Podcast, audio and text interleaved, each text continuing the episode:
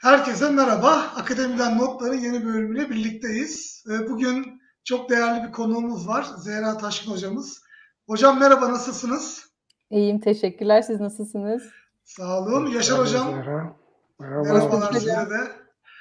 Ee, bugün aslında e, hem e, bir takım e, açık bilimle ilgili gelişmeleri hem çok yakın zamanda gerçekleştirilen Paris Konferansı'nı hem de bu konferansta yapılan çağrıyı bir şekilde değerlendireceğiz. E, bununla ilgili olarak aslında ben Twitter'da yazdım. Büyük bir hizmet bu. Çünkü 2-3 günlük yoğun toplantılar bu toplantıların en önemli bölümlerini adeta süzerek buradaki önemli kısımları e, çıkartarak Zehra hocamız bizlerle paylaşacak. Yaşar hocam belirli oturumlara şöyle göz atmıştı. O da konuyla ilgili kendi değerlendirmesini ki ben çok kıymetli buluyorum. Bizimle paylaşacak. Bu arada Zehra hocamız yaklaşık iki yıldır Polonya'daydı. E, bizleri Polonya'dan destekliyordu ama e, bu dönem itibariyle tekrardan bizim e, saflarımıza katıldı. Bu da çok sevindirici bir gelişme. Hocam hoş geldiniz diyorum ben ayrıca tekrar. Hoş bulduk sizinle. diyorum hoş bulduk. Şimdi şöyle başlayalım. Öncelikle isterseniz bir geri bilgi aktaralım. Hani bu konferansla ilgili olarak açık bilimin Avrupa tarafındaki e, kısımlarla ilgili olarak. Yaşar Hocam nasıl yapalım? Siz buyurun isterseniz daha sonra Zehra Hocam'la devam edelim.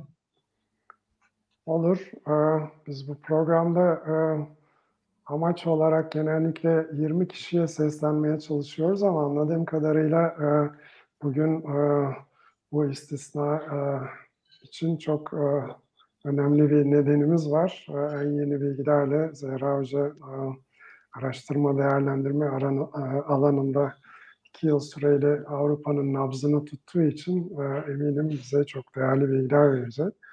Ben kısaca e, aslında e, Avrupa Birliği'ndeki çalışmaların, açık bilimle ilgili çalışmaların özellikle bu konuya istekli bir ülkenin e, 6 aylık dönem başkanlığı yaptığında birazcık ileriye gittiğini düşünüyorum.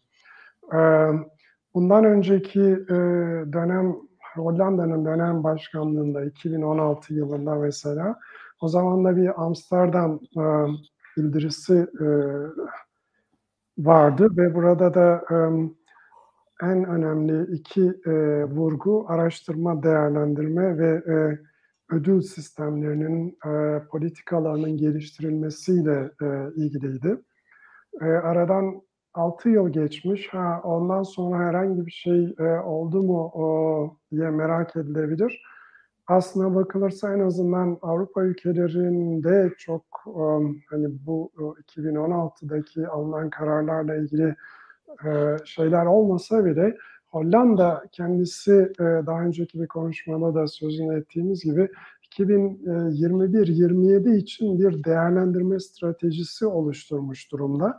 Ve bu o değerlendirme stratejisinde de e, bizdekinden çok farklı olarak hani sayılara yönelik olarak değil de değerlendirme stratejisini daha uzun dönemli ve dört ayak üzerine e, kurgulamış durumda. İşte açık erişim, e, fair veri, e, bilim üretimine halkın katılımı ve özellikle de araştırma değerlendirme ile ilgili e, takdir ve e, ödül sistemlerinin e, e, geliştirilmesi diye. E, tek tek üniversitelerde sanıyorum ki yavaş yavaş bunu o, uygulamaya başlayacaklar. En azından Utrecht Üniversitesi'nin örneğini biliyorum ben. Her neyse yani 2022 e, yılındaki 6 aylık dönem başkanı Fransa. Fransa'da anlaşıldığı kadarıyla açık bilim konusunda bir şeyler yapmak istiyor. Dolayısıyla da gene Amsterdam'daki bildirinin üzerinde durduğu bu o açıklığı, etki ölçmeyi, bunlarla ilgili stratejileri iyileştirmeyi artı bilimin takım çalışması olarak daha etkin bir şekilde yapılmasını e, vurguluyorlar. E, Paris çağrısında dikkatimi çeken bir cümle vardı. E, değerlendirdiğimiz şeyle değer verdiğimiz şeyleri hizalayalım diye bir e, madde var. Bu gerçekten de çok e, önemli. Yani değerlendirdiğimiz şey işte sayılar, ne bileyim makale sayısı vesaire falan filan olduğu zaman onlara değer veriyoruz anlamına geliyor. Ama biz biraz önce sözünü ettiğim dört ayaktan bahsediyorsak işte açık e, erişim, e, fair e, veri, e, halkın katılımı, e, araştırma dışındaki e, etkilerin de ölçülmesine değer veriyorsak ister istemez e, bu o ölçevleri, performans e, ölçevlerini de e, değer verdiğimiz şeylerle e, değerlendirmemiz gerekiyor. Bu e, aslında son derece önemli ve belki de e, en azından Paris çağrısının e, eğer e, Avrupa Birliği, e, diğer Avrupa Birliği ülkeleri açısından da kabul edilirse harekete geçirmeye çalışacağı bir e, amaç olacak gibi gözüküyor bana. Dolayısıyla da bu çerçevede de Paris çağrısında işte e, araştırmaların sadece işte sayılara dayanan göstergelerini değil de diğer e, etkilerinin de e, ödüllendirilmesi gerektiği, bunların e, etik kurallara ve akademik tutarlık ilkelerine göre, yüksek standartlara göre yapılması gerektiğini, farklı araştırma etkinliklerinin farklı biçimlerde ölçülmesi gerektiğini, disiplinlerin birbirinden farklı olduğunu bu açıdan bakıldığında, işbirliğine, farklı araştırmacı profillerinin ve araştırma, daha doğrusu kariyer patikalarının, kariyer yollarının e, desteklenmesi için buna göre politikalar geliştirilmesi gerektiğini e, öne süren 7-8 madde var Paris çağrısında. Dolayısıyla da e, hemen harekete geçmiş durumdalar anladığım kadarıyla. E, tabii bu o Paris çağrısı üzerinde çalışılırken aynı zamanda diğer e, sivil toplum kuruluşlarından örneğin Avrupa Üniversiteler Birliği LERU'nun da bir görüşüne rastlamıştım. Dolayısıyla onlar da bu dokümana birkaç yönden eklemeler yapılması gerektiğini söyleyen bir pozisyon kağıdı diyelim ki ürettiler. Burada da vurguladıkları şey Paris çağrısında söylenenlere ilaveten aynı zamanda bu o performans değerlendirme, araştırma değerlendirme standartlarına gelişimsel bir bakış açısıyla da bakıp araştırmacıların kariyerleri e, boyunca e, liderlik, yenilikçilik ve işbirliği özelliklerinin de e, değerlendirilmesi, bunların etkisinin de ölçülmesi.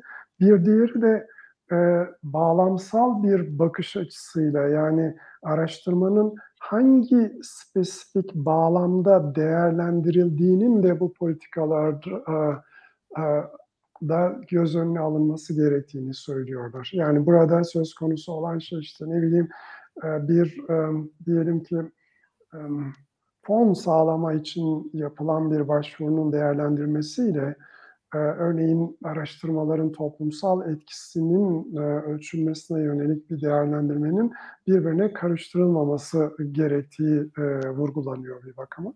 Önümüzdeki aylarda göreceğiz ne kadar e, şey olacak. Çünkü bazı ülkeler hani doğrudan bu işe atlamış değiller. Ama dışında kalmamak için de toplantılara falan katıldılar sanıyorum ki bunlardan birisi e, Almanya e, sanıyorum. Almanya'nın karşı çıkışlarından bir tanesi de herhalde yani onların söylediklerinde geçmiyor ama hani bizde bugünlerde söylenen şey vardır ya bir yorgunluk hikayesi e, yönetimle ilişkili olarak e, ölçev yorgunluğu o, diye belki ben adlandırabilirim onu. Zaten diyor o, vatandaşlar biz şu anda yüzden fazla e, göstergeye göre veri topluyoruz. Ee, bir bakıma hani bu nereye kadar? Tabii bilmiyorlar ki e, Türkiye'de bu yüzü kaçla çarpmak gerekiyor? Oturup saymadım YÖKAK e, kurumsal e, değerlendirme raporundaki madde sayısını. Her neyse ben e, burada keseyim böyle bir arka plan bilgi vermiş olayım. Daha spesifik yönlerine de ilerleyen dakikalarda Zehra hocamızla değinecektir. Hocam çok teşekkürler. Zehra'nın ben Twitter'daki paylaşımlarını e, okurken e, toplantının çok güzel olduğunu ve hani çok etkilendiğini de okumuştu. Bu çok sevindirici aslında. E, ya biz hani e, uzun süredir iyi kaliteli toplantı görmeye de bir şekilde hasret kaldığımız için ya da gerçekten çok dolu dolu güzel bir program olduğu için ben ikincisi olduğunu düşünüyorum. E, Zehra senin e, toplantı ile ilgili genel e, yorumlarınla da başlayalım mı? Direkt çağrıya geçmeden önce bir toplantıyı da bize değerlendirir misin? Ve toplantı öne çıkan noktaları değerlendirir misin? Ee, gerçekten mükemmel bir toplantıydı bence. Ee, pandemiden beridir zaten hani doğru düzgün bir toplantıya katılmadık. Öyle bir toplantıya hasret kaldık. Onu bir tarafa koyuyorum ama e, Avrupa'da konuşulan e, 40'tan fazla dil var ve e, gerçekten multilingualizm e, çok dillilik daha doğrusu şeyin e, Avrupa'nın temel önceliklerinden biri son yıllarda ama herkes e, multilingualizmi destekleyelim falan derken e, hiç bununla ilgili gerçekten böyle somut bir adım atılmamıştı şimdiye kadar ve bu konferans gerçekten çok dilli bir konferanstı. E, Latin Amerika'dan katılanlar İspanyolca yaptılar sunumlarını. E, işte Hollanda'dan katılanlar kendi dillerini yaptılar. Herkes kendi dilinden yaptı ve herkes birbirini anlayabildi. Çünkü o kadar güzel bir sistem kurulmuştu ki engelliler için çeviri vardı vesaire. E, hani tavsiye ettikleri şeyi gerçekten uyguladılar bu konferans esnasında ve açıkçası benim e, araştırma performans değerlendirmesinde bir şeylerin değişe, değiştirilebileceği ile ilgili ümitlenmemi de sağladı. Çünkü şimdiye kadar yapılan bütün çalışmalar şeydi. Bu yapılmalı, bu yapılmalı, bu yapılmalı ama sonraki süreçlere baktığımızda hiç de onların yapılmadığını gördük. Hatta ee, geçen yıllarda Gent Üniversitesi'ydi sanırım. Gent Üniversitesi bir e, yazı yayınlamıştı. İşte artık e, akademisyenlerimizin sıçan yarışına sokulduğu bu sisteme destek vermeyeceğiz falan. Ben, bravo ne kadar güzel açıklamalar falan. Sonra Gent Üniversitesi'nden e, bir akademisyenle tanıştım ben Polonya'dayken. E, onların tamamen yani bizim üniversitelerimizin Dora'yı imzaladığı gibi e, üfürükten teyyare laflar olduğunu ve aslında hiçbir şeyin ona, onun gibi olmadığını e, söyledi. E, hani konuşmaktan ziyade bir şeylere somut adım atılabileceğini gösterdiği için bu konferans birazcık daha ümit verdi bana açıkçası. Bir de ben bu konferansın iki gün önce e, Science Europe ve Coalition S'in düzenlediği bir özel workshop'a da davetliydim. O da o, o çalıştay da gerçekten hani e, daha yönetim bazındaki insanların nasıl bir bakış açısına sahip olduğunu göstermesi açısından da iyiydi. Yani sadece 4-5'i değil 2 Şubat'taki etkinlikte e, bunda ne kadar ciddi olduklarını gösterdiler. O açıdan da bence iyiydi. Genel olarak sadece Paris çağrısı değil, bence konferansın en önemli taraflarından biri çok önemli ım, duyurular yapılmasıydı. İşte bunlardan biri Paris çağrısı en önemlisi ama işte Diamond Open Access'e verilecek e, kıymet bundan sonraki süreçlerde. Ee, Avrupa Üniversite Birliği'nin 2025 açık bilim planı gündemi ve Avrupa Komisyonu'nun araştırma değerlendirme reform kapsam belirleme raporu, e, Utrecht Üniversitesi'ndeki gelişmeler, Fransa Ulusal Açık Bilim Politikası ve sonunda da Paris çağrısı bunların hepsinin kompakt bir şekilde açık bilimin araştırma performans değerlendirmesinin artık birlikte e, değerlendirileceğini göstermesi açısından önemliydi bence. O açıdan da e, çok başarılı bir konferans olduğunu söyleyebilirim. Bu arada e, izleyicilerimiz bu arka arkaya gelen heyecan verici gelişmeleri not almaya çalışmasın. Çünkü Zehra hocamızın önümüzdeki günlerde Sarkaç'ta bu değerlendirmelerini içeren bir yazısı yayınlanacak. Bu arada Sarkaç'a da teşekkür ederim. Aslında birçok farklı konuda açık bilimle ilgili, açık erişimle ilgili güzel e, makaleleri onlar da yer veriyorlar. Defne'ye de buradan e, selamlar iletelim. Peki burada aslında konferans kapsamında geçmiş yıllardaki çalışmaların birazcık daha hızlanacağını, birazcık daha aslında senin de sevmediğini biliyorum Zehra bu altın erişimle ilgili e, yapıyı daha bizim belki de istediğimiz bir yöne çekmesini sağlayacağını söyleyebilir miyiz? Bu tür e, sen aslında ışıklar aldın mı? Daha doğrusu bu tür e, çalışmaları e, gözlemleyebildin mi acaba? Ee, şeyin özellikle planesi e, dünyamıza Avrupa'ya kazandıran e, Coalition S ve Science Europe'daki temel bakış açısı ya biz çok da iyi bir şey yapmadık galiba e, araştırma bütçeleri yayın evlerine gidiyor şeyi vardı e, toplantılarda ve Diamond Open Access'i neden desteklemeleri gerektiği ile ilgili orada hatta e, 4 Şubat'taki etkinlikte Operas'ın e, yürütücüsü, koordinatörü de bununla ilgili hani sadece sosyal bilimler ve humanities e, insan bilimleri için değil, bütün alanlar için Diamond Open Access'i neden desteklemeliyiz istatistiklerle sundu. Çünkü dünyadaki pek çok e, bilimsel içerik e, küçük grupların emeğiyle e, çıkarılan e, işte derneklerin ya da işte küçük bölümlerin emeğiyle çıkarılan yayınlarda, dergilerde yer alıyor ama onların araştırma performans değerlendirmelerinde bir yeri yok. Tanınmıyorlar. Tanınmadıkları için daha düşük kalite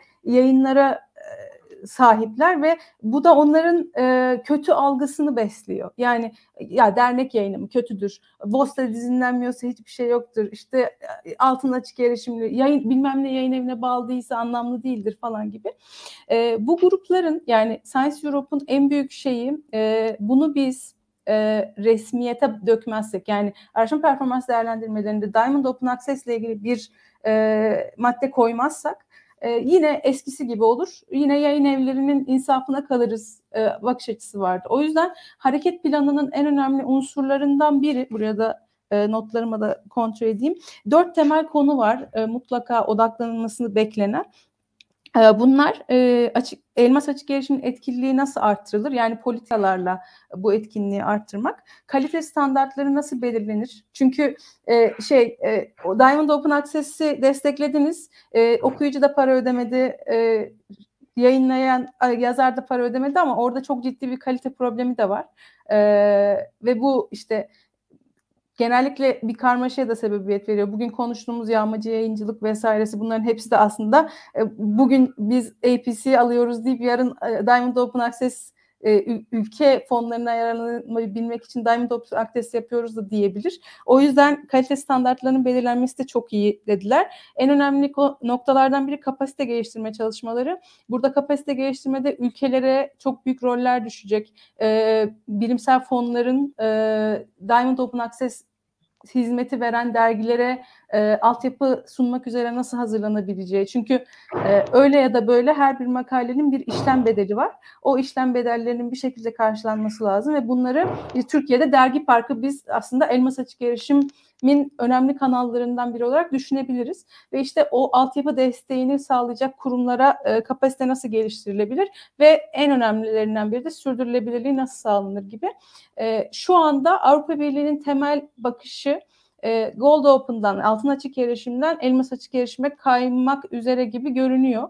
Ama onların temelde söylediği şey de şu, biz bunu politikaya yerleştirmezsek e, herhangi bir sonuç çıkmayacak. O yüzden politikaya yerleştirmemiz gerek diyorlar. Çok teşekkürler. Bu arada belki e, bu elmas açık erişimi biraz açsak da iyi olabilir. E, daha önce e, bu işte altın erişimle ilgili ve diğer e, açık erişim yöntemleriyle ilgili aslında farklı programlarda dile getirmiştik. Ama o konuda da biraz e, bilgi verebilir misiniz Zehra bize? Yani bu e, elmas yapıdan ne amaçlanıyor? E, altına ve diğer e, yeşille ilgili e, çalışmalara göre nasıl bir farklılık var? Şimdi bizim yeşil açık erişim ve elmas yeşil ve altın açık erişimde temel şeyimiz yayın evlerinin çok büyük bir rolü vardı burada. Çünkü işte Elsevier yayın evi var, e, işte Emerald'ın yayın evi var, bilmem ne. Onların yayınladığı dergiler var. Hibrit açık erişim var. İşte mak makalenizin parasını öderseniz açık erişimli olarak yayınlanıyor. Yok ödemezseniz kütüphaneler ona para vererek ulaşıyor. Siz kendi makalenizin kopyasını açabiliyorsunuz vesaire. Ama araştırmalar gösterdi ki... E, Belki hocam siz e, link olarak koyabilirsiniz. Open Access Diamond Study e, diye bir e, çalışma var. Geçen yıl yapılmış bir çalışma bu. Bilimsel içeriğin büyük çoğunluğunun küçük dernekler, dernek yayınları, üniversite yayınları tarafından, küçük gruplar, araştırma grupları tarafından üretildiği ve altın ve yeşil açık erişim mi e, destekleyen politikalarla bu literatürün tamamen kapsam dışında bırakıldığı ve bu kapsam dışında bırakılma sebebiyle de e, yerel literatürlerin özellikle e, kendi İngilizce dışındaki literatürün çok dışlandığı ancak bunların da bölgesel gelişmeye çok büyük katkısı olduğu e, ve desteklenmesi gerektiği ile ilgili çalışmalar yapılıyor. Ve yüzde seksen yanlış hatırlamıyorsam o raporda deta- istatistik bilgisi var ama bilimsel literatürün çok büyük bir kısmı e, yayın evleri büyük yayın evlerinde değil ama biz onları gözden kaçırıyoruz. Bu aslında şeye de sebebiyet veriyor. E, topluluklar arasında e, büyük dengesizliklere de sebebiyet veriyor. Bizim şu an takip ettiğimiz yayınlar e, merkez ülkelerin e, büyük üniversitelerinin yayınları ama e, yerel konularda takip etmemiz gereken literatür birazcık daha farklı. E, bu hani Avrupa Birliği'nin çok önem gösterdiği bazı konular var sürdürülebilirlik açısından. E, o sürdürülebilirlikle ilgili pek çok şeyde sekte vuran e, bir durum bu. E, yerel çalışmaların desteklenmesi ve bölgesel çalışmaların çok dilliliğin, çeşitliliğin desteklenmesi. E, bu, bu amaçla da e, ne okuyucunun ne e, o ya ne de yazarın para ödemediği ancak hükümetler tarafından fonlar fonlayıcılar tarafından çeşitli fonlarla desteklenen bir erişim modeli Diamond e, açık erişim, elmas açık erişim.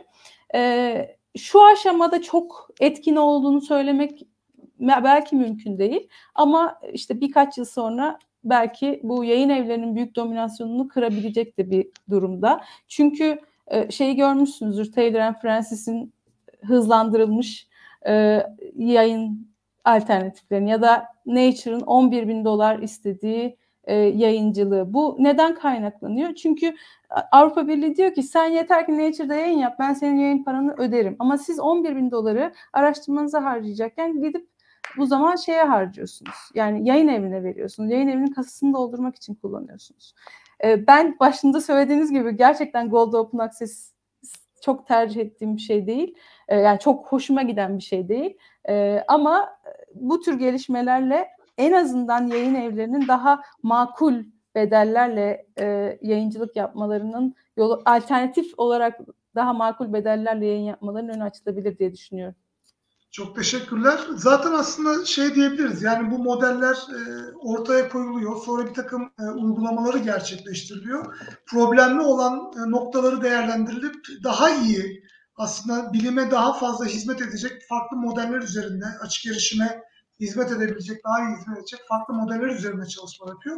E, hocam çareye geçmeden önce siz bir şeyler eklemek ister misiniz Yaşar Hocam? Hem bu Diamond'la ilgili olarak hem de genel e, yapıyla ilgili olarak. Bu o teşekkür ederim. Bu e, altın yolla ilgili olarak um, Büyük Britanya'da Finch raporu kabul edildikten sonra o zamanlar bir tweet e, gönderdiğimi hatırlıyorum ben. Yani e, işte yazık oldu o yayıncılar e, lobisine e, kredi verilmiş oldu falan diye. Nitekim aradan geçen 8-10 yıl içerisinde geldiğimiz nokta tam da bu. E, geçenlerde de söylediğim gibi yani bugün yayınlanan özellikle 5 büyük yayın evi tarafından yayınlanan dergilerin çok önemli bir kısmı %75-80'i e, altın yola göre yani makale e, işlem ücretlerine göre e, yayınlıyorlar. Dolayısıyla da onları daha fazla dergi çıkarmaya, daha fazla makale yayınlamaya vesaire yönlendiriyor. Onlar için ekstra bir gelir kapısı. E, elmas olanlara e, bakacak olursak aslında elmas e, dergilerin tarihi e, şeyden daha eski. Makale işlem ücreti e, ödemeden daha eski.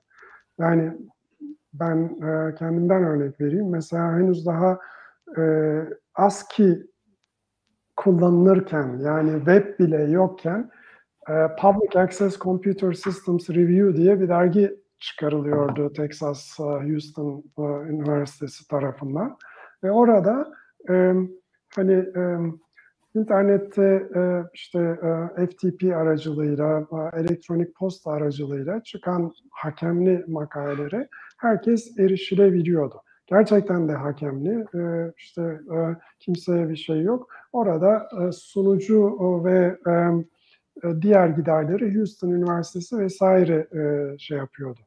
Daha da e, önemlisi bizim alandan örneğin şu anda 20 seneden fazladır e, yayınlanan Information Research diye bir dergi var. Tom Wilson'ın e, ve ekibinin editörlüğünü yaptığı ve tıkır tıkır işliyor. Ha bunun giderlerinin bir şekilde karşılanması gerekmiyor mu? Kuşkusuz gerekiyor. Ama ona bakarsanız zaten bu tür oluşumlar mesela arşivi alın. 30 yılı geçti, hizmet veriyor. Bu tür işte Houston Üniversitesi gibi ya da ne bileyim Cornell Üniversitesi gibi ya da e, İsveç'teki e, Information Research'ı çıkaran üniversitedeki gibi cüzi bir miktar e, şeyle yapılabiliyor. Yani bu cüzi de olmayabilir eğer e, 2 milyon makaleyi yaşatıyorsanız arkiv gibi ama en azından yayın giderlerine verilen paralarla karşılaştırıldığında cüzi. E peki nerede e, fark yani makale işlem ücretiyle vesaire? Şurada e, o makalelerin değerlendirilmesini, şusunu, busunu zaten yayıncılar için bedava yapıyordu o bilimciler. Dolayısıyla e, elmas e, yayın yapan e, kurumlar söz konusu olduğunda bu bedava hizmetler sunulmaya devam ediliyor. Ama altyapı ile ilgili e, erişim, sunucu, platform vesaire ile ilgili bir miktar desteğe e, ihtiyaç var. E, Zehra Hoca'nın dediği yani bunlar yeterince bibliografik açıdan kontrol edilmiyor. Doğru edilenler de var ama e, sayıları e, çok e, yüksek değil. Bunlar daha çok bizim bildiğimiz resmi platformlar dışında indeksleniyor öyle diyelim. E, OpenAIR'in işte Zenodosu gibi, e, European e, PubMed Central gibi vesaire. Biraz önce de değinildi. Örneğin bizim dergi park üzerindeki dergileri bir düşünün. Aslına bakılırsa tam da böyle bir modelden söz ediyoruz. Yani e, bir şekilde ulakrim aracılığıyla altyapı, sunucu, şudur budur ihtiyaçları karşılanıyor. Öte yandan bu dergilerde yayınlanan her şey okurlara da, e, yazarlara da vesaire bedava. Değerlendirmeyi de yine herhangi bir ücret söz konusu olmadan oraya makale gönderen, işte oradaki makaleleri okuyan kişiler yapıyor. Şimdi düşünün bu işte 2000'den fazla dergi var bildiğim kadarıyla. Geleneksel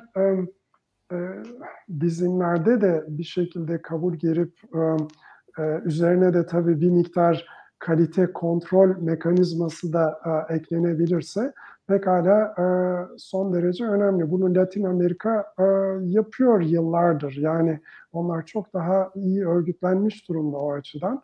E, bizde de belki hani adından bağımsız olarak demek belki çok doğru değil ama yani e, bazen de bu o, renk sayısı alabildiğini artabiliyor işte altın, yeşil, e, Diamond bilmem ne falan filan ufak tefek e, farklar var. E, bunlara belki de çok fazla e, bant genişliği ayırmadan e, elimizde olan imkanlarla ne yapılabilir bunun üzerinde e, durup onun üzerine biraz önce sözünü ettiğim kalite katmanını daha iyi nasıl ekleyebiliriz?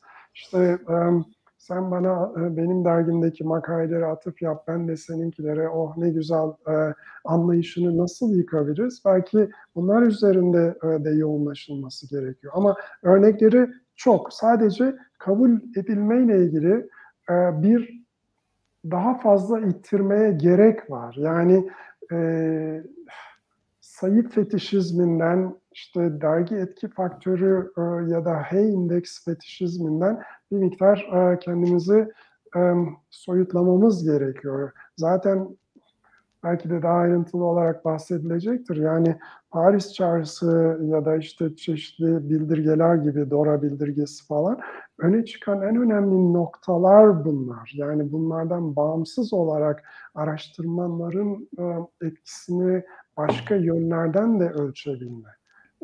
Bu o şu anda eğer e, hani e, bir önlem alınmazsa biraz önce verdiğim örneklerdeki gibi mutlu mesut pekala e, makale işlem ücretlerine dayalı e, artış, artan dergi sayıları, makale sayıları devam edecek. Hocam bu arada Güleda hocamız bir yorumda bulunmuştu. O da çok yakından e, takip etmişti. Güleda hocaya da buradan e, selamlarımızı iletelim. E, konferansta konuşmacılarından bir tanesi bu Planes'in çalışmadığı için değil sadece belli ülkelerde çalıştığı için bu yola girdik diye o en akılda kalıcı cümlelerden birinin bu olduğunu ifade etmiş Güleda Hoca da. E, sonuçta tabii e, her ülkede veya belki de her bölgede aynı şekilde bu çalışmalar e, yanıt vermiyor. İşte Latin Amerika tarafında daha iyi çalışan bir sistem Avrupa'nın e, belirli bölümlerinde belki daha iyi bir şekilde e, çalışmıyor. Belki burada uygun olan sistemin e, seçilmesi hem altyapıya göre hem de fon sağlayıcıların belki de gücüne göre e, farklı noktalarda olabiliyor diye e, söyleyebiliriz. E, Zehra Hocam nasıl yapalım? Şeye doğru ilerleyelim mi? E, çağrıya doğru e, ilerleyelim mi? Yoksa Olur. eklemek istediğim bir şeyler de var mı? Yo yani şey e, bu Dergi Park'ın e, da el, elmas açık erişime yönelik olarak gelişmelerde e, yeri belki desteklenebilir diye düşünüyorum ama zaten bu Diamond Open Access hareketi bir e, Horizon e, Videra projesi olarak Diamas projesi kapsamında geliştiriliyor ve e, bildiğim kadarıyla zaten TÜBİTAK Ulakbim de onlarla iletişim halinde. E, bu sayede sanıyorum ki bu hani yeni gelişmelerin takip edilmesi mümkün olabilecektir diye düşünüyorum. Eğer o gelişmeler takip edilirse çünkü gerçekten müthiş bir efor var dergi park platformunda sunulan bir dergilere e, öyle bir hizmet veriliyor ki hani e, Latin Amerika'daki Cielo'nun e, işleten gruptan bir sunum yapıldı. Her bir makalenin e, işte 60 dolara mal olduğu ile ilgili bir hesaplama yaptılar. Hani 60 doların üzerinde alınan her bir APC aslında yayın evine kalan para gibi bir hesaplama yapmışlar. Ve bu masrafların tamamı aslında Türkiye'de bir kamu kaynağıyla karşılanıyor ve açık erişimli olarak sunuluyor. Bence Dergi Park o, o açıdan e, elmas açık erişimi desteklemek için en doğru yollardan biri diye düşünüyorum. Yani güzel bir girişim olarak devam ediyor ama işte bu kalite kontrol vesairesi gibi kriterlerin daha böyle sistematik işlenmesiyle daha da iyi sonuçlar alınabilir diye düşünüyorum ben. Zehra Hocam, e, Dergi Park'taki şu anda sağlanan altyapı desteğinin haricinde bir takım editoryal hizmetler konusunda destekler veya fonlar sağlanması da önümüzdeki günlerde gerçekleşebilir mi? Acaba e, böyle bir şeyde belki e, çok daha fazla oradaki şeyi arttıracaktır. Hani potansiyeli arttıracaktır. Belki önümüzdeki zamanlarda Ulak BİM'de bu tür çalışmalarda olabilir. Onları da heyecanla paylaşırız eğer böyle Evet gelişmeler evet olursa. tabii ki. E, hocam şeye geçelim. Ben e, istersen onun e, hem bağlantısını hem de ekran görüntüsünü de e, paylaşayım. E, şöyle, e, bu konferansın web sitesi içerisinde e, duyurulmuş durumda şu anda e, Paris çağrısı diye. E, üzerinden şöyle yavaş yavaş geçelim. Bunun e, getirdiği yeni özellikler ne? E, eski yapılan bir takım çağrılara referanslar, e, göndermeler içeriyor mu? E, bizim üzerimize düşen ne olacak? Yani e, Türkiye'deki fon sağlayıcılara, araştırma merkezlerine, e, akademisyenlere, bellek kurumlarına bir takım ödevler ve görevler e, düşüyor mu? Bunlardan bahsedersen e, çok iyi olur diye düşünüyorum. Yaşar hocamı ben mi? Ya Peki sen, ben ben Zehra tamam. senle başlayalım, Yaşar hocamla devam ederiz. Tamam. Ya tabii hocam hocam deyince Hocam deyince ben kime, kime? Ben şimdi hocam dediğim zaman Yaşar Hoca, hocam dediğim zaman sen Tamam. olarak şey yapıyorsun. A'daki nüanstan anlıyorum. Peki. Evet. Ee, şimdi Paris çağrısında e, Yaşar Hoca'nın bahsettiği gibi benim en çok hoşuma giden değer verdiklerimizle değerlendirdiklerimizi aynı hizaya getirmek. Ama e, ben biraz Türkiye'deki mevcut durum e, üzerinden belki yorumlayabilirim Paris çağrısını. Bugün bununla ilgili birkaç tweet de attım ama şimdi bizim değer verdiğimiz şey şu anda Türkiye'de araştırma değerlendirmesinde iyi araştırmalar ya da kaliteli araştırmalar değil ki. Biz yağmacı mı değil mi? hangi dergide yayınlanmış, kaç atıf almış bununla ilgileniyoruz. Yoksa bizim için değer verdiğimiz şeyi konuşmaz mıyız sıklıkla? Biz değer verdiğimiz şeyi konuşmuyoruz. Dolayısıyla önce bizim ne, neye değer verdiğimizi bir anlamamız lazım. Ama benim için bu çağrıdaki en güzel madde değer verdiğimiz ve değerlendirdiğimiz şeylerin hizalanması. Burada diğer bütün çağrılara benzer şekilde kalite ve e, kaliteyi ve araştırmanın çeşitli etkilerini ölçmeyi önceleyen diye bir madde var ki bence bu da oldukça önemli. E, çeşitli etkileri ödüllendirmek ne demek? Yani biz sadece atıf etkisine bakıyoruz ama toplumsal etkiyi sıklıkla gözden kaçırıyoruz. Ya da işte e, araştırmanın çok daha fazla farklı etkileri de olabilir ve bu etkilerin ortaya çıkarılması da önemli. Sadece kaliteyi anlamak değil çünkü kaliteyi anlamak o kadar kolay değil ama araştırmanın etkisini, toplumsal etkisini ölçmek de önemli. Öbür taraftan bence önemli bir noktalarından biri araştırmacının yüksek etik ve dürüstlük standartlarını karşılamasını sağlayan sistemlerin gelişmesi. Yani araştırmacı yüksek etik standartları nasıl sağlar? Bu bir hem bilinçle ilgili bir e, durum hem de yönetici ve karar vericilerin yüksek etik standartlardan haberdar olması ve bununla ilgili aksiyon alabilmesi de anlamına geliyor. Önemli başka madde, hepsi önemliymiş diye okuyorum şu an e, bütün maddeleri. Yayınlar, ön baskılar, veriler, yöntemler, yazılımlar, kodlar, patentler gibi araştırma faaliyetlerinin ve bütün çıktıların çeşitliliğini sağlamak, onların toplumsal etkilerine e, ve halkın katılımı ile ilgili faaliyetlerine değer vermek diyor.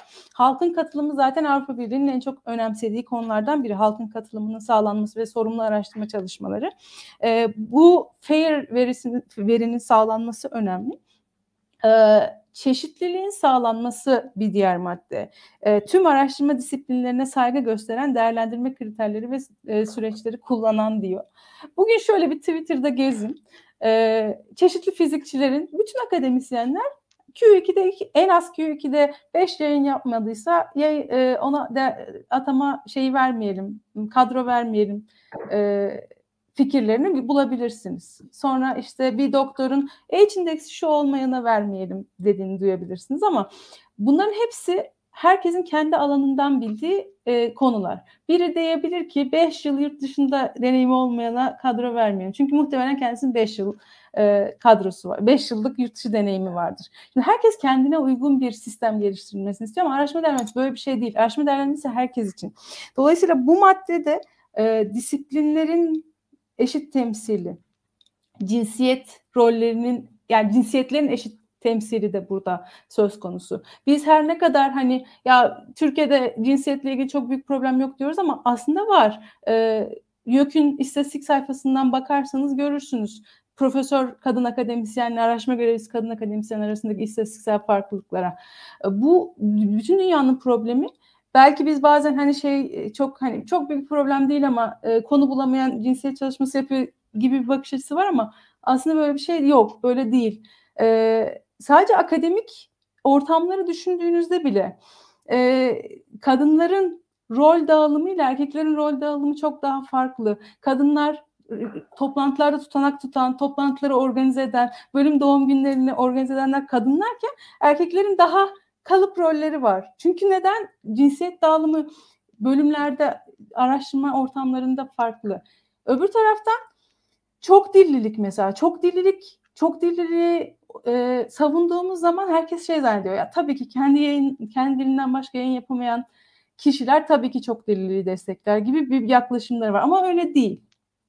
E, Türkiye'deki halk kütüphanelerindeki düzenlemenin getireceği ya da götürecekleri ile ilgili uluslararası karşılaştırmalı bir çalışma yapmıyorsanız bu çalışmayı Türkiye'deki halk kütüphanecileri için yapıyorsunuz ve yerel literatüre katkı sağlıyorsunuz ve bu yerel literatüre katkınızın kendi dilinizde olması daha anlamlı. Bunu sağlamaya çalışıyor çok dillilikle ilgili bütün girişimler ve e, Paris çağrısı diyor ki çok dilliliği sağlayabilmek önemli. Çok dilliliği sağlayabildiğiniz ölçüde e, bu çeşitliliğe sahip olacaksınız diyor ve gerçekten e, çok dilliliğin e, avantajlarına yani getirdiklerine e, ulaşabiliyor Latin Amerika ülkeleri bu Cielo ile ilgili çalışmalarından sonra. Çünkü biz çünkü biz de çok dilliliği desteklemek için yerli ve milli literatürü desteklemek için ne yapılıyor?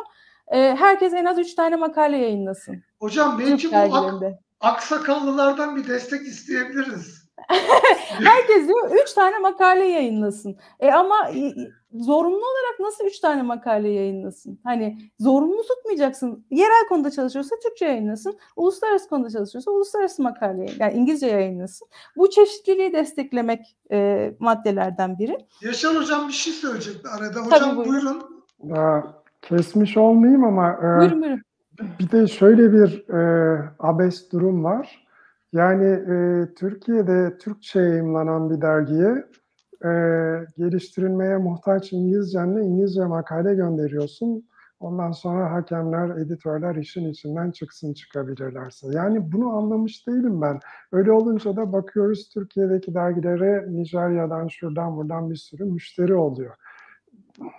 Yani e, konuyu dağıtmak istemiyorum ama bunlar da biraz önce sözünü ettiğin biz tersinden bakıyoruz olaya. Yani bu nicelleştirme olayını e, işte Jerry Müller'in bir kitabı var biliyorsun sayısal e, biliyorsunuz sayıs, e, sayıların diktatörlüğü diye Türkçe'ye de çevrildi.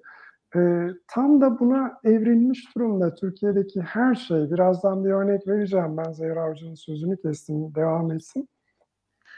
Buyurun hocam. Ee, ya zaten hani bence son iki maddeyi de söyleyeyim o zaman özet olarak. Ee, araştırma sonuçlarının ve metodolojilerinin paylaşılması da önemli madde. Çünkü biz araştırmaların sonuçlarını makale olarak yayınlıyoruz ama onun verisi nerede, hangi yöntemle yaptık, bu yöntem bir daha kullanılabilir mi?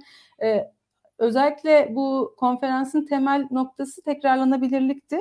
O da önemli. Vatandaş bilimine destek vermek önemli. Ve en önemli bence son madde miydi bakayım.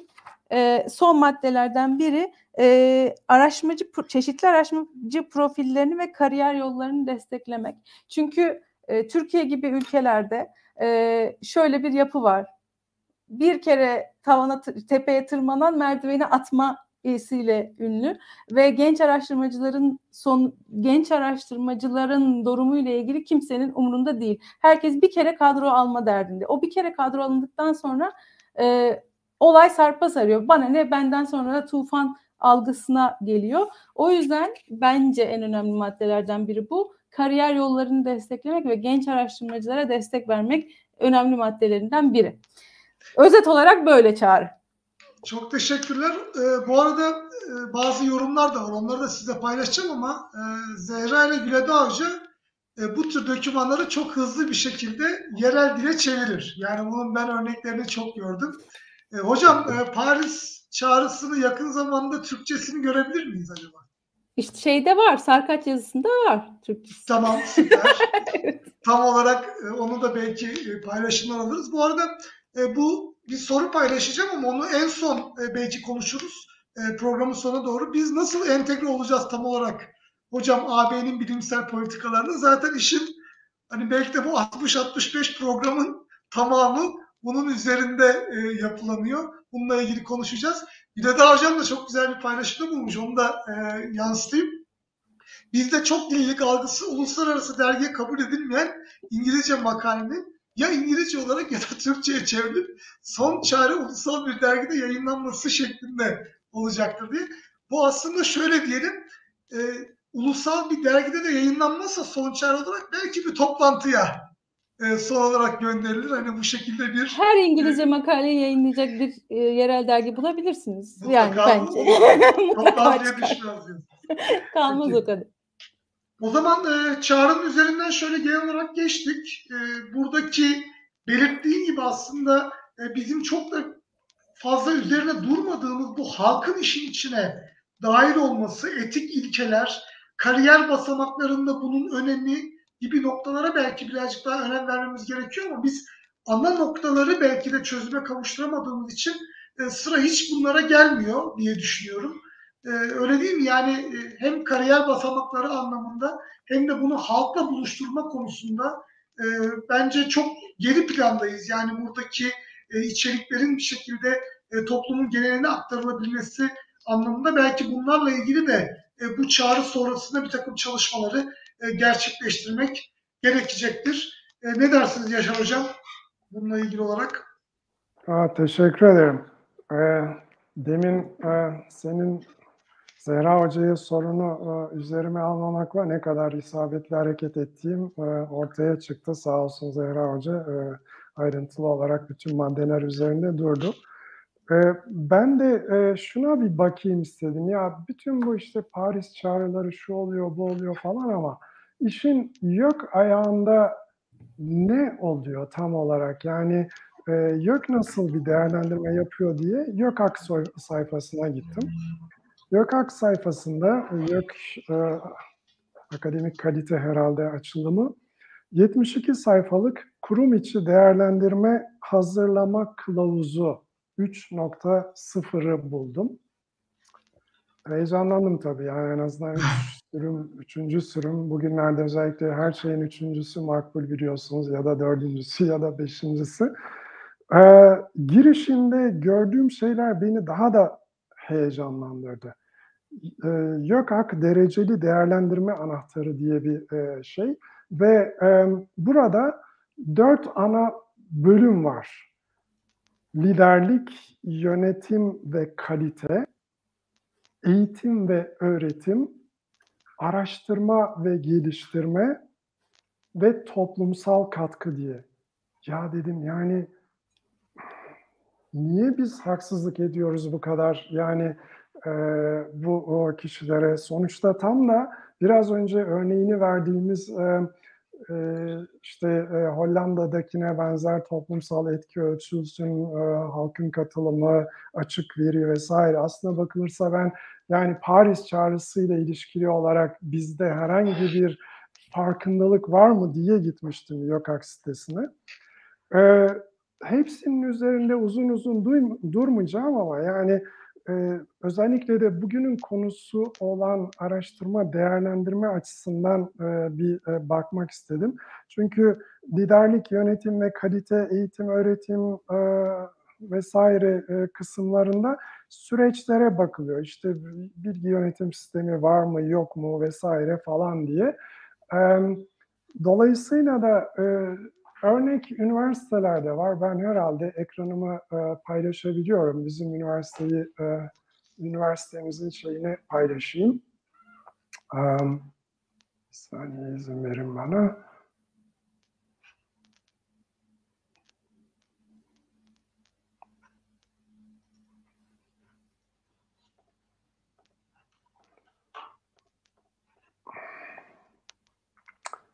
Doğru o bir sayfa değil, web sayfasına nasıl e, yönlendirebiliriz bunu? Şu anda görüyor musunuz e, Yüksek Öğretim Kalite Kurulu sayfasını? Yok hocam. Daha henüz Görmüyor. paylaşmadınız. Görmüyorsunuz. Peki. Evet. E, ben e, chat'e e, atayım bunu. O, lütfen sen yansıtabilir misin Orçun? Hocam buradan gideyim ben. Benim önümde açık. Nereye açık gitmek istiyorsanız. Evet şu anda görüyor olmanız lazım. YÖKAK Gov.tr raporlar, Institution Indicator Report Data e, işte e, Hacettepe'ye ait olan yani Hacettepe Üniversitesi tamam. gösterge raporu diye. Gösterge değerleri raporundan mı gireceğiz? Evet. E, 2020 işte 2015 ile 2020 arasını veriyor. Bulabilirsen eğer onu bir yansıt e, değilse de sorun değil. Ben e, özetlemeye çalışayım demin kaldığım yerden. E, biraz önce dediğim gibi yani bu dört başlığı görünce bayağı heyecanlanmıştım ama e, yani buradaki e, kriterlere şimdi e, Hacettepe Üniversitesi üzerinden bakacak olursak hepsi ya sayı ya yüzde ya metrekare vesaire cinsinden şeyler.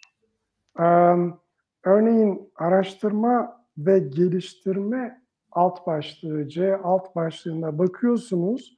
Aklınıza gelebilecek bütün sıralamalarda üniversitelerin e, o belli bir üniversitenin yerine bakıyor. İşte SAI, IMAGO, RUR, URAP, dünya sıralaması farklı, TR sıralaması farklı, Webometrics, The, uh, the Higher Education QS, QS Dünya ve Orta Asya ayrı, US News, NTU, ARW, TÜBİTAK girişimci, yenici, yenilik bilmem ne falan filan bir sürü e, şey. E, şimdi yani buradaki e, ölçütlerin tamamı biraz önce konuştuğumuz çağrılarda, işte DORA'da bilmem ne de tam olarak yapılmaması istenen şeyler. İşte SCI dergisinde kaç makale var, öğretim üyesi başına kaç atıf düşünüyor, düşüyor, Q1 dergilerinde kaç yayın yapılmış, alan ağırlıklı atıf indeksi nedir, %10'luk dilimde kaç makale yayınlanmış, aklınıza gelebilecek yüzlerce, abartmıyorum yani kesinlikle e, sayı birkaç yüze yakın bütün bu e, sayılara dayalı değerlendirmeler bunlar var. İnanılır gibi değil. Biz bunlara dayalı olarak işte yenilikçi üniversite seçiyoruz, araştırma üniversitesi seçiyoruz. Her üniversite bu yüzlerce gösterge için veri toplamak için eminim bir sürü zaman harcıyor, ilgili birimleri kuruyor vesaire falan. Başlıklardan bir tanesi de toplumsal katkıydı. Bu toplumsal katkı denilen şey de beni hani e, çağrılar bazında ya acaba nasıl ölçülüyor vesaire falan diye e, meraka düşürdü. Hocam herhalde şu anda görüyorsunuz evet, bu dokümanda. Şu anda. Evet, toplumsal, toplumsal katkı denilen de sadece üç madde var. İşte sürekli eğitim merkeziyle kaç saat ders verdin de kaç etkinlik yaptın falan. Yani bu e, çağrılarda, e, şeylerde sözü edilen toplumsal etki yapılan araştırmanın örneğin işte sağlık, e, ekonomi, daha iyi bir yaşam, e, sürdürülebilir kalkınma hedeflere erişme konusundaki etkilerini, vatandaşların bu işlere e, katkılarını e, ortaya çıkarabilmek için yapılanları aslında e, öne çıkarıyor. Bizde ise sade suya türüt, e, pardon tirit işte üç tane e, şey var burada. Hocam bu arada biz son yıl coşmuşuz. 269'muş bir önceki yıl. Evet. 2020'de 9785 yıllık eğitim alan kişi sayısı. 10 bin kişi eğitim vermiş Hacettepe Üniversitesi 2020 ya, yılında. Bunlar Pandemi... da yapılmalı. Ben buna bir şey demiyorum ama Herhalde e, Zoom'un Zoom izin verdiği ölçü kadar bir şey. Yani epistemolojik açıdan toplumsal etki dediğimiz zaman çok farklı yerlerde duruyoruz. Ben bunu söylemeye çalışıyorum. Yani şu listedeki e, çabayı anlıyorum. Hani kaç öğrenci var, şu var, bu var vesaire. Ama bir tane de gerçekten hani sayısal değerler dışında kalite ölçmeye yönelik bir şey olmaz mı? Yıllardır YÖKAK çalışıyor. Bu mudur geldiğimiz noktaya? Bu mudur? Ben gene programın sonuna geliyorum Orçun. Evet hocam onu hissettim ben. Evet.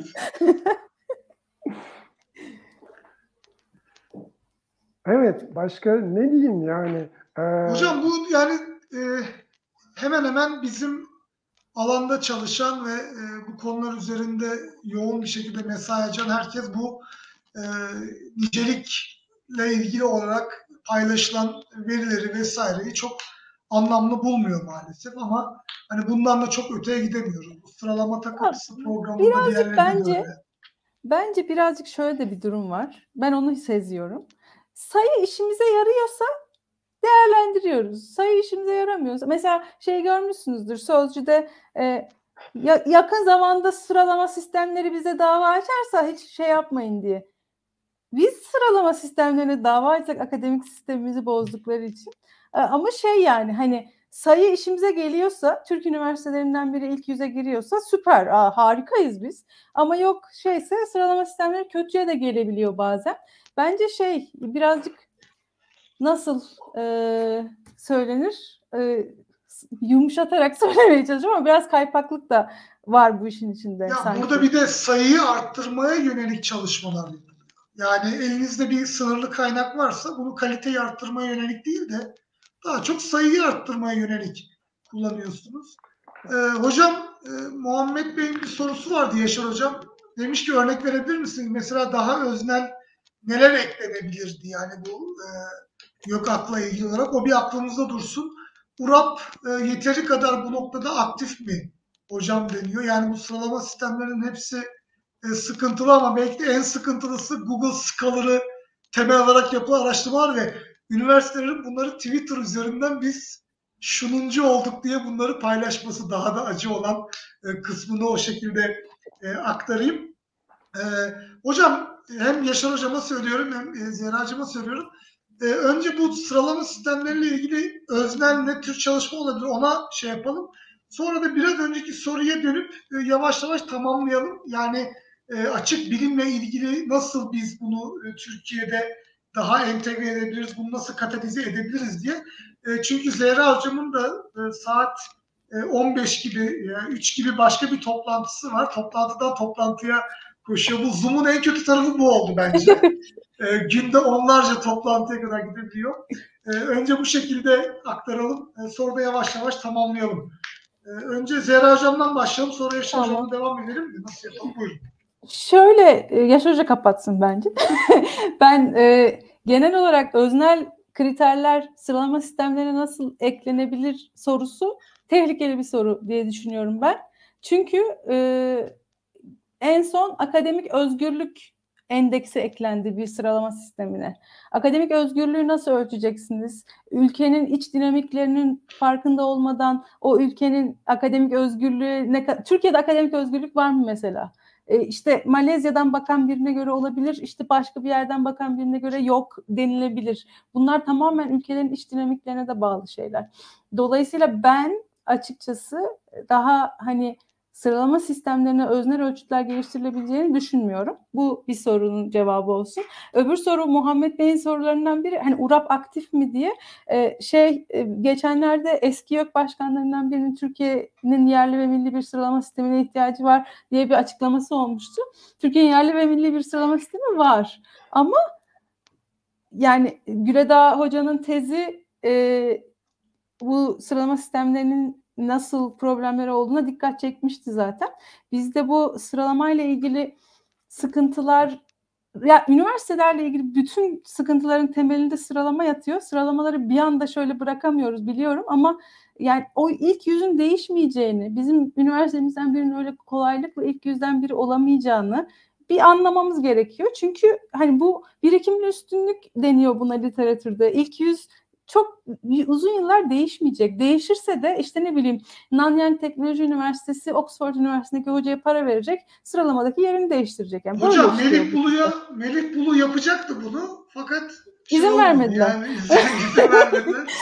yani e, yeterli yeterli vakti olmadı maalesef. Şöyle ben küçük bir haber de vermiş olayım. Ee, şimdi Price e, Little Science Big Science'da scientometrinin ilk temellerini attığı zaman e, bununla beraber paralelinde Nalimov'da e, başka bir bilim değerlendirmesi üzerine Rusya'da çalışıyordu ve ikisi beraber aslında bir kavram çıkardılar. Biz Türkiye'de e, Polonya'daki ekiple beraber bir e, non-Western Scientometri konferansı düzenlemek istiyoruz bu yıl önümüzdeki yıl içinde ya da bu yıl içinde. Burada neler olabilir alternatifi ve merkez ülkelerinin dışında neler yapılabilir tartışacağımız bir ekip kurmak istiyoruz Türkiye'de. Ee, orada belki daha büyük alternatifleri tartışabilir. Yeni başka nasıl ölçek, ya ölçev demeyelim de başka nasıl değerlendirilebilir bilim. Ee, bu konuda bir şeyler e, yapılabilir. İlgilenen olursa bana mail atabilirler. Hani böyle bir çalıştayla ilgilenen olursa e, memnuniyetle ben cevap verebilirim. Böyle yani şu anda hani hiçbir şeye cevap vermemiş olabilirim ama hani genel olarak cevap da yok zaten.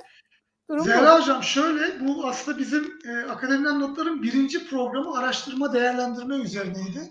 Belki Bizim- onunla ilgili tekrar bir program e, yapabiliriz. E, Güledağ hocamızı da davet ederiz. E, önümüzdeki haftalarda çünkü onunla ilgili çok soru geliyor. Yani e, nicel verileri kullanmayacaksak nasıl ölçeceğiz, nasıl şey yapacağız vesaire. Bence onunla ilgili yeni bir program daha e, gerçekleştirelim. E, Yaşar hocama söz vereceğim ama Zehra senin çıkman gerekiyor mu yoksa? Ben bir ondan 15 dakika gecikebilirim sorun değil. Tamam peki. Yaşar hocam buyurun. Peki, teşekkür ederim. Şimdi e, Zehra Hoca'nın e, şeylerine katılıyorum. Özellikle bu sıralama konusunda söylediklerine. Biraz önce e, ekranda gösterdiğimiz şeyde önümden de sayıyorum.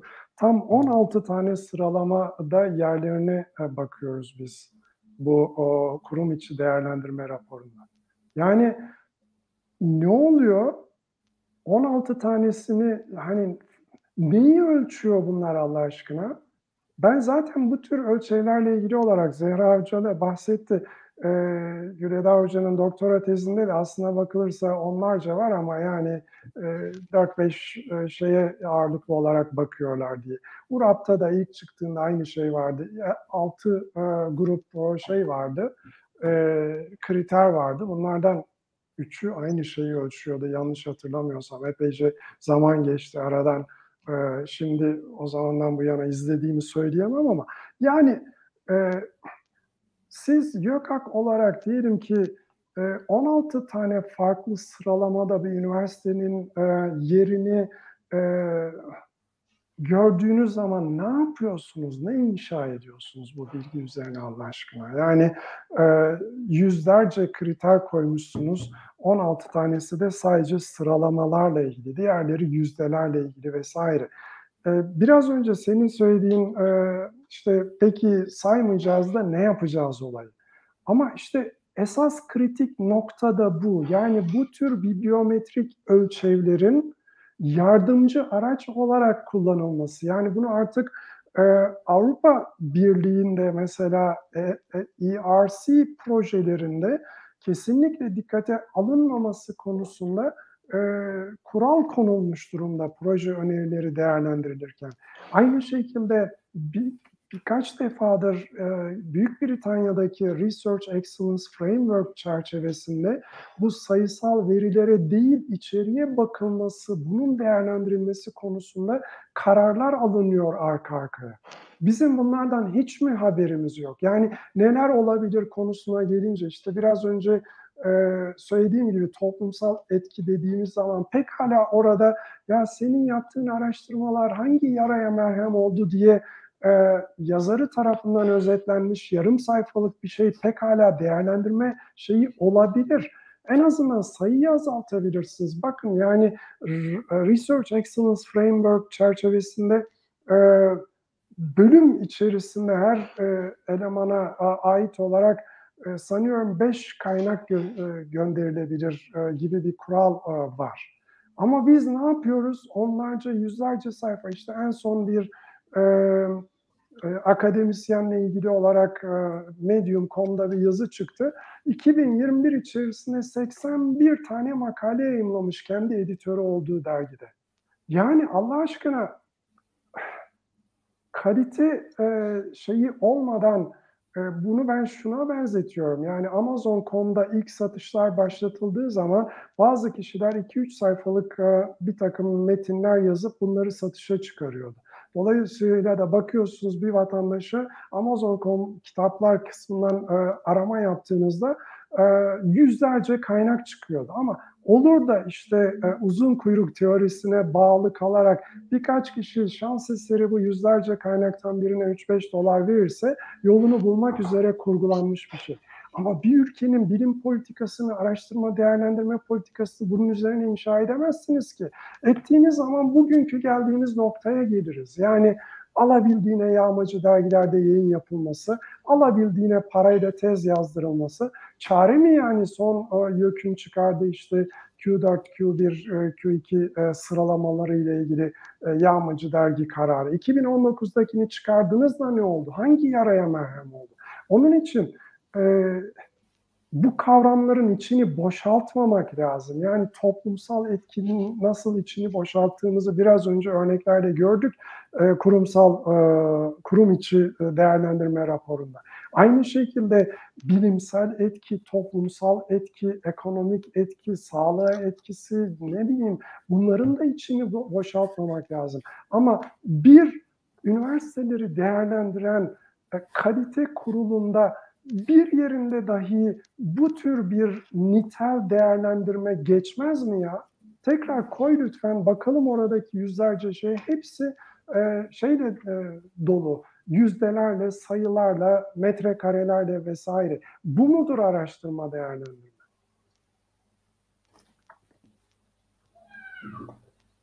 Çok teşekkür ederiz hocam. Tekrardan e, paylaşacaktım ama süremizin de sonuna yaklaştığımızı e, gördüğüm için çok haklısınız. Yani bu e, bizim her toplantıda, her e, çalışmada ifade ettiğimiz bir yapı. bununla ilgili neler yapılabilir? Dediğim gibi önümüzdeki belki e, programlarda daha da detaylandırabiliriz. Zehra Hocam, senin eklemek istediğin bir şey var mı? Ya benim eklemek istediğim bir şey yok. yani güzel bir soruyla bıraktı Yaşar Hoca. O soruyla kalsın bence. Yani Bu e, sohbet alanında yurt dışındaki bazı örnekleri paylaşabilir misin demişler. Onu e, videonun aslında şeyini ekleriz. İşte Utrecht Olur. Üniversitesi'nde vesaire yapılan çalışmalarla ilgili olarak e, dinliyorum. Yani Utrecht'teki çalışma e, henüz yeni ilan edildi. E, çok müthiş başarılı bir e, yapı sunuyorlar. Umarım uygulanabilir. O Sarkaç'taki yazıda zaten Utrecht'in özeti de var kısaca. Nasıl bir sistem geliştirdikleriyle ilgili. Ama sayfasını da ben size gönderirim. Ama şey yani e, bizim akademiyle ilgili sorunlar bence şeyle sınırlı değil yani saymayla vesaire sınırlı değil. Bizde bir e, nepotizm, e, akademik özgürlükler, üniversitelerin bağımsızlığı gibi çok daha temelde yatan Maalesef. problemler olduğu için yani şu anda biz yayın sayısını kullanmayın desek diyoruz da zaten bir şey yaramıyor. Kökten bir değişiklik. Ama Türkiye'deki gerekiyor. e, temel sorunlar hiçbir zaman bitmeyecek. E, bitmediği için de böyle hassas konulara hiçbir zaman girmeyecek miyiz? Hayır bir yandan da onları tabii. düzeltmek Yani- için çaba ama işte bugün yayın sayısını kullanmayın deriz. Yarın e, derler ki tamam yayın sayısını kullanmıyoruz. Patentiniz olmadan bak size yükselme vermiyoruz da diyebilirler. O yüzden temel Peki, problemleri her daim e, önde tutmak gerektiğini düşünüyorum. O yapısal problemleri.